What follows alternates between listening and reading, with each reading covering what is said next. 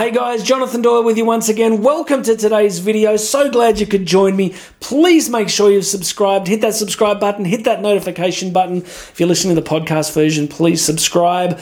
And wherever you're, wherever you're seeing it, wherever you're hearing it, grab a free copy of my book, Bridging the Gap. It's here somewhere. There'll be a link. Get yourself a free copy. I'm going to give it to you. Free, totally free. I'm not going to, no, no, no tricks. I'm not going to turn up at your house. I'm not going to do anything weird. I'm just going to give it to you. That's it. All right, so grab that link. Today, we're going to do a quote from one of my favorite historical figures.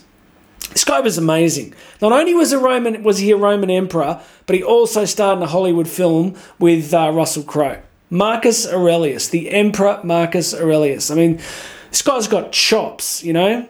First century Roman emperor, Hollywood guy, amazing. Father of uh, one of the progenitors of Stoic philosophy. It's a life well lived. They didn't even have electricity or internal plumbing. And this guy's just rocking the developed world. Anyway, it's a big build up, so let's get into today's quote. Adapt yourself to the life you have been given and truly love the people with whom destiny has surrounded you. Okay, this mirrors one of the episodes we did earlier this week. Uh, from we were, it was a quote from Soren Kierkegaard around uh, no, it's from Carl Jung. It was, it was this quote around the idea of living the life that you've been given, the unique life that's been given to you. So today, Marcus Aurelius is telling us to adapt ourselves to the lives that we actually have. There's, there's a bit of a paradox here because in personal development, we're all about change and, and creating change.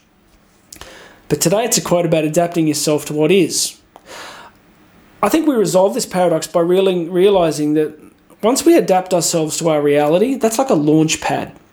If we keep resisting our lives, if we keep resisting the fact that where we're placed, you know, I was reading a great book this week by a French priest of the 17th century called, um, I think it was Pierre de Caussade, um, called Abandonment to Divine Providence. I was reading that book and he's kind of like going, whatever's happening for you right now, is the will of God, or he would, you know, you could, whatever your faith journey is, you could say the will of the universe, if that helps, right? I get it. So often we think that we, we want to resist our lives, we want to be somewhere else, we want to be doing something else. And here's the paradox again, because of course, to have goals, we have to have an idea of a different future state. But so much of our growth and the beauty of our lives can come from being present to the life that we actually have. Doesn't mean we'll stay there forever. Doesn't mean that it'll never change. But there's a certain peace that can come from accepting where you exactly are. COVID kind of taught me that because, you know, I was in the US all the time, I was traveling all the time and speaking. It was amazing. It was a beautifully privileged life. It just ended in a heartbeat.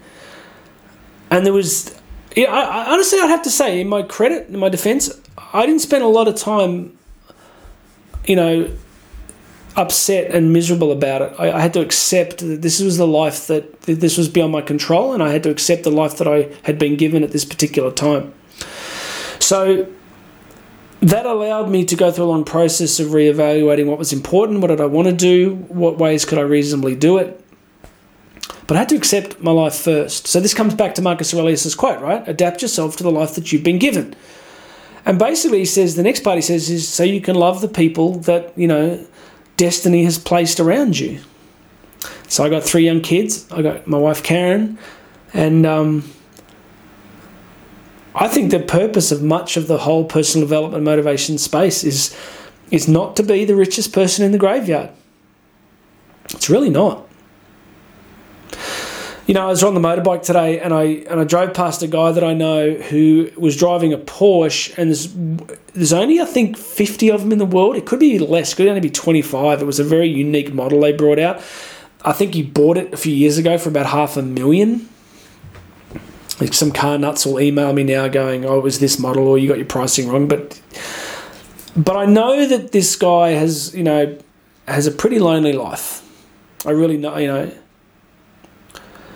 now, I'm not his judge and I don't know the fullness of his life, but I know that if I had to choose between, you know, Karen's love for me, my kids, and enormous wealth, it wouldn't be a decision, right? It'd just be I'm blessed to love the people that are around me.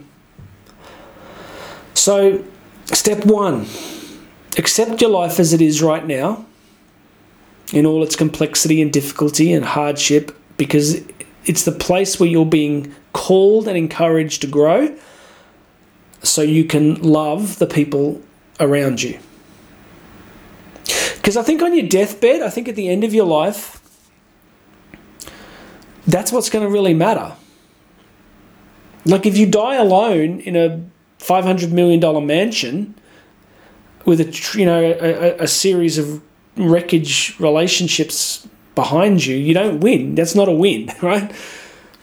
A win is to accept your life as the place where you're being challenged to grow, to contribute as much as you can to developing yourself so that you can contribute to the people closest to you. And that's great wisdom from Marcus Aurelius, isn't it? It's like he's reminding us that what really matters in life is to practice acceptance while simultaneously holding a vision of change and what's possible for us, and then learning to really care for the people around us. You do that, you win. You win. That's it. You win. you win. You really do. I think I think you do.